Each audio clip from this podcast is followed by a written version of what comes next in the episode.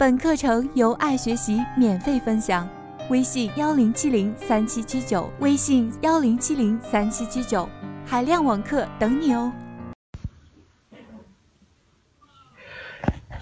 要想有效的克服任何瘾，你首先要理解它。人们倾向于低估瘾的力量，这是干预不成功的一个主要原因。一项对吸烟者的研究表现，成功戒烟的人不但理解吸烟的危害，还理解烟瘾作用于他们身上的机理。这使得他们明白，戒瘾不但需要努力，还需要知识。如果没有同时做到两者的话，要么半途而废。要么匡复之路变得很长。色情在我们的脑海中安装了太多的多巴胺接收器，这产生了无数的后遗症。这也是人们为什么容易对色情上瘾。网络色情尤其是个问题。过去，色情瘾问题还没有现在这么严重，因为当你。买《花花公子》《长生阁》这类的色情杂志时，你还没有见识过网上那种硬色情的内容。如果你上瘾了，同时还有余钱买杂志，你可以一个小时看十个女人。然而，现在你只要连上网，一个小时可以轻松的看几百张照片。在一个实验中，给老鼠许多。的性伴侣，实验者发现，只要老鼠能找到不同的性伴侣，他们就不停的性交下去。这个现象叫做克利兹效应。色情以此类似。当你一边浏览几百张裸体照片，一边手淫，你的大脑会认为你在和显示器里人在性交。而由于克利兹效应，你可以几小时、几小时的不停的这么做，这样大脑。就产生了在网络发明前不会有的消极变化。所以都会让你的大脑结构发生病理性的变化。举例来说，色情瘾降低了眼窝前额皮质的活跃度，这一部分是负责做长期决策的，使得我们不做冲动的事情。一项2007年所做的关于色情瘾的研究表明，有色情的瘾，有色情瘾的人，其大额大脑额叶有明显的损伤，而这一部分是负责冲动控制的。简单来说，这个研究发现，色情瘾会使大脑产生生理结构的变化，而这就是大脑成瘾的标志。二零零五年，一位心理学家 Eric Nestler 提出过一个理论。他认为，人之所以成瘾，是因为他的奖惩机制被劫持了。使用色情和滥用其他物质一样，直接改变了这个机制。举例来说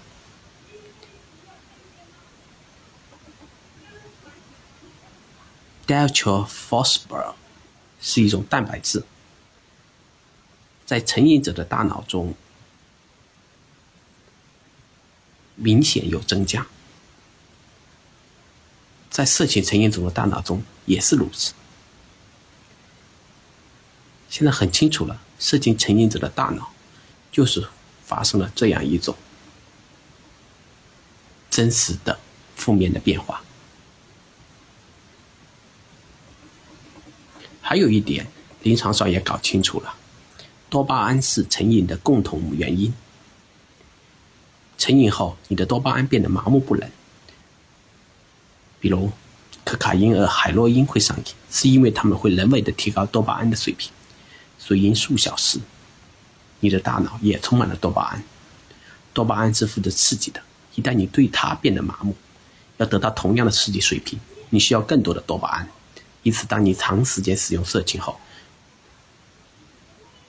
你的大脑不但需要更多的色情来唤起，你也更难被其他的东西刺激了。然而，色情以各种各样的形式存在了两百多年，但是人类历史上从来没有像现在这样动动键盘就能不停的浏览 成千上万的拟人。当我们这样做的时候，我们大脑充满了多巴胺，这让我们的多巴胺接受器过载，反过来让我们消。产生了无数的性问题。有些人会认为色情瘾是一项正常的瘾。我们先讨论一下瘾的要素，然后看看色情瘾是否符合这些瘾的这些的特点。第一，想法被瘾的目标物所控制。如果你不能停止。想色情，那就是成瘾的基本症状。你被瘾所指向的目标物控制了。第二，心情会有变化。当你向瘾屈服的时候，如果你在复发的时候，你都会感到生气和负疚，有很深的负罪感。第三。耐受性，你需要做更多才能得到同样的高潮。如果你要得到同样的效果，需要从原先的像小清新的软色情，变成硬核的露出生殖器的色情，那么这是你需要关注的另一个征兆。包括从手淫变成嫖娼，也是一个耐受性增强的。一个很大的一个表现。第四，不舒服的症状。你一段时间不做之后，会感觉糟糕，觉得必须做的更多才能继续过上正常的生活。所以，你一段时间觉得自己没有去做，一旦做了以后，你会变本加厉，变得更加疯狂，就是这个原因。第五，挣扎。你的瘾会对你的生活及一切产生负面的影响，你想停止却做不到，无论你自己多么努力，无论其他人多么努力的敦促你。六，复发，如果你不能戒除色情，那么即使你不想这么做，你还是会这么做。你可以看到，这是瘾。所有的瘾都有的特点，而色情瘾符合以上所有的特点，所以色情瘾就是瘾，应该和其他瘾一样需要去干预和治疗。儿童时受到忽视容易上瘾，因为大脑负责冲动的部分没有得到很好的发展。或者说，没有得到很好的发育，被忽视的小孩，小孩产生较少的多巴胺，因为他们不能自然的产生大脑所需的多巴胺，所以他们向外去寻求更多的多巴胺。许多遭受创伤的人，应成为他们的生存策略，在创伤时期，杏仁核变得超级敏感，色情变成一种自我疗愈的方式。研究发现，羞耻感与色情瘾、性瘾有关。你越是压制一种情感，它就会变得越强。一个人对自己的性行为感到羞耻，却不自觉的强化这种行为对他的控制。色情在许多方面与毒品一样，许多人一开始只是吸食大麻，进而发展到发展到吸食可卡因与其他更猛烈的毒品。因为他们想要更爽，色情以类似的方式让多巴胺接收器过载，大量的色情瘾者寻求进入更强烈、更爽的状态。这就是为什么许多色情瘾者会发展出恋物癖。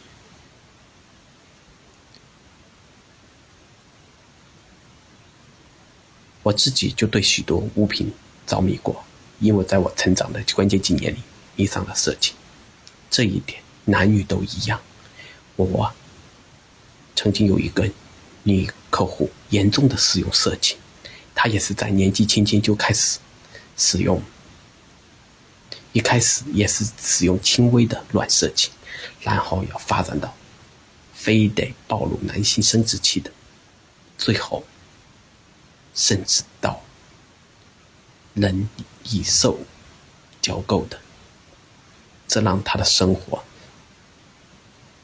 产生偏差，活的就像一条在街上自慰的狗。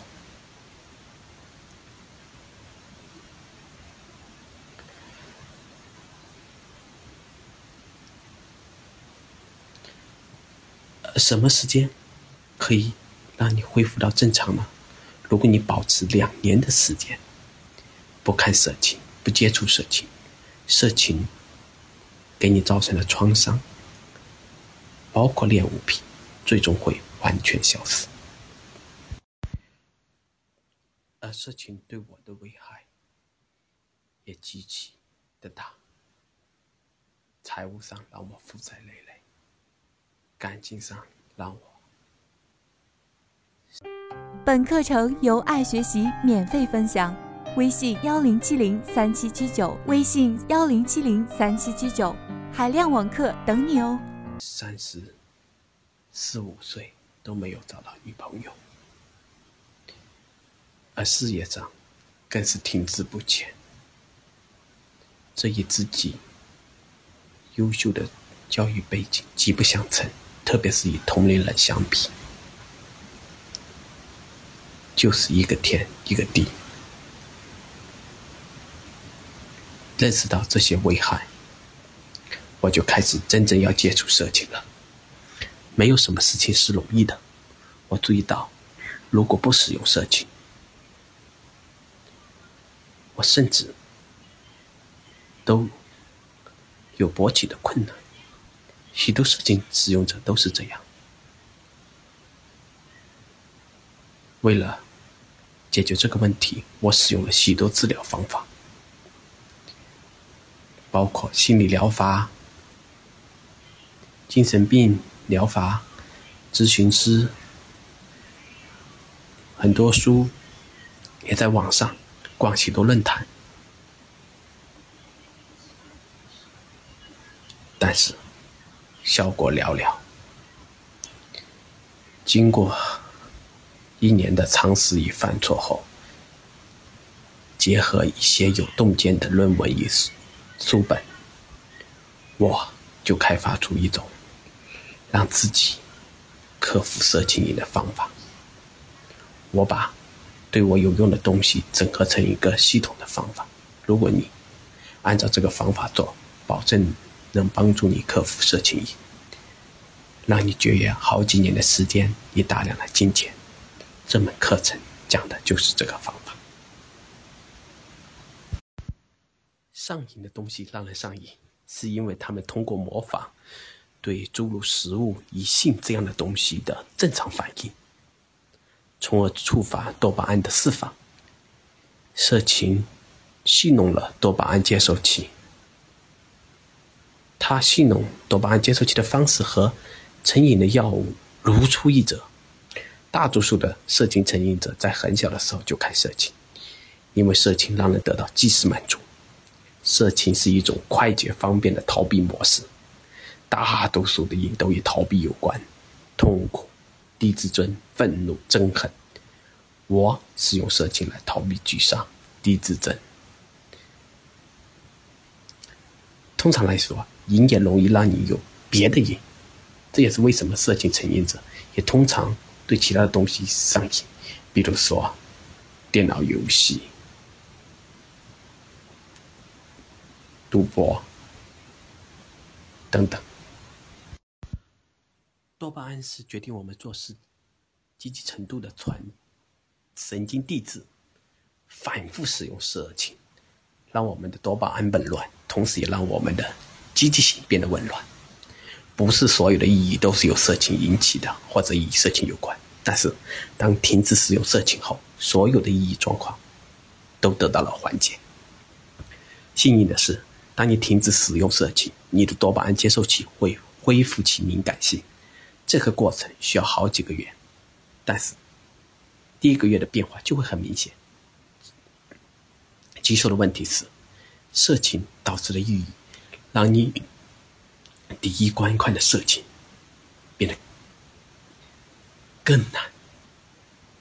你说你的对于这个冲动对你来说更加难以遏制，因为它损害了前额叶皮质和海马体之间的连接，让你很难依靠自己的力量去克服瘾。很多人觉得自己有色情以后变得都更笨了，事实也是如此，因为你失去了一种专注的能力。专注是一种能力，这种能力让你能选择你想集中注意力的事物，同时忽略无关的东西。过度的使用色情毁坏你的专注能力，因为它强迫你的大脑将正常的事情视为不重要的事情。当你的多巴胺接受器变得麻木的时候，要唤起则需要更大的刺激。结果你发现要专注于正常的事情很困难，比如想读一会儿书都变得很困难。这种麻木也让你的海马体变得混乱。海马体对形成长期记忆至关重要，因此过度使用色情也让你的记忆混乱。通过脑部扫描。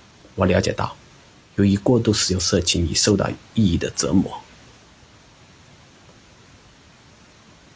很多人的海马体都变得显著的小，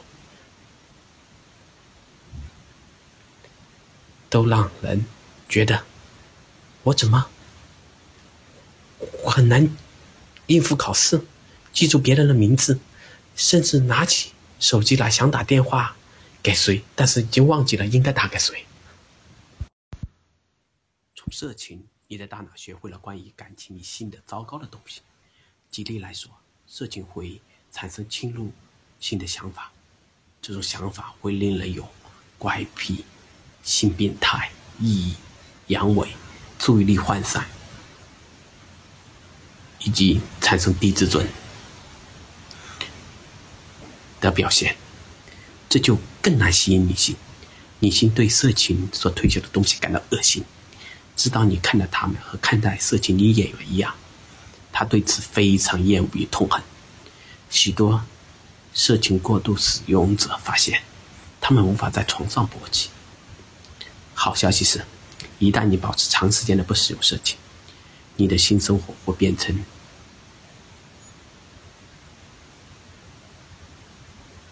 亲密关系会由纯粹的淫乱变成做爱，有很强的性性欲变成真正的亲密关系。当你使用色情，你将大脑塑造成只能对色情唤起。一些色情使用者实际上对色情的热爱超过真实的性。我认识一个朋友。他声称自己毫无性欲，而实际上他是一个色情成瘾者。除非对着色情手淫，否则根本没有办法勃起。他每天对着手淫、色情手淫几小时，即使他是一个没有性欲的人。你说，这样的人正常吗？你有没有见过这样的人？你是不是这样的一个人？过度使用色情被证实与阳痿直接相关，这就是为什么阳痿在二十几岁人中是最常见的。当你性唤起的时候，你的大脑产生一种化学物质，能够让你勃起。当你因为过度使用色情而对多巴胺麻木时，只能产生极少的这种物质，从而不能勃起。伟哥之类的壮阳药物也没有用。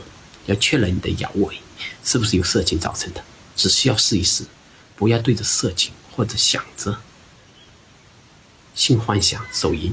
如果你不能勃起或者物理刺自我刺激勃起，那么你的阳痿就是色情造成的。但是谢天谢地，这是完全是可复原的，只要你不再使用色情，你有足够长的时间。这有个快捷的清单来判断你是否对色情上瘾。你是否为了能在家看色情而请假或者不参加社交活动？当你看完色情后，你感到羞愧吗？对于你是否看色情以及看什么色情，你对你的伴侣或家人撒谎吗？你有尝试过减少或停止使用色情而失败了的经历吗？你是否对无法专注于与性无关的事情？你有在上班、上课或在公共场合看色情吗？你在想看色情而不能的时候会感到沮丧吗？你总是在色情上花费比你想的多的时间吗？如果你不先看色情，起床都困难。你的伴侣和家人抱怨你花太多的时间上网。如果以上的问题你有一个回答是是的，那么你就是一个色情成瘾者。无数的研究发现，那些遭受孤独折磨的人更容易上瘾。而色情成瘾者倾向于孤立，压力也是一个重要的因素。实际上，大多数人的诱发因素都是压力。记住，一个瘾会让你有另外的瘾。如果你有一个瘾，那么你非常可能对色情成瘾。反之也是一样。大脑系统中负责喜欢与想要的是两个不同的系统。瘾会影响需要的运作机制。所以，一个人会对着物体或者照片手淫上瘾，即使自己并不喜欢。举例来说，当你对着一个色情已经完全厌倦了，但是还是非得去做不可。当你已经嫖娼过一次，但是你还是想要去做，其实心里面已经不喜欢去做了，但是你还是非要不可。实际上你很讨厌他，但是你还是去做，就是因为大脑中喜欢与想要的是两个不同的系统。你不喜欢了，但是成瘾依然让你想要。首先。性与色情让人们忽视显而易见的危险，比如恋童癖的人和基奸者会不惜一切代价去满足的欲望，会不顾一切去满足欲望。人们会花费几千块钱去嫖娼，去获得色情，去获得。性带来的快感。其次，色情无处不在，不像酒精和药物上瘾一样，你有，你能够得到持续与免费的色情供应。第三，社会宣传色情，大众媒体喜欢乱色情，最有名的。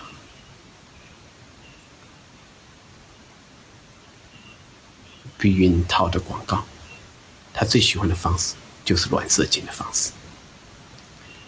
第四，色情会升级为性变态，甚至会产生反社会的性变态者。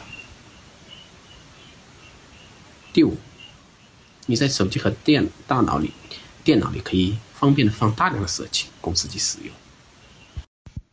和其他瘾一样，色情瘾也会有脱瘾的不舒服状态。这些状态包括易怒、紧张不安、皮肤发痒、生殖器不适、坐立不安、头痛、焦虑。不同的人有不同的拖延症状，有些人没有，有些人会经历很多。我会在课程里帮助你管理这些症状。本课程由爱学习免费分享，微信幺零七零三七七九，微信幺零七零三七七九，海量网课等你哦。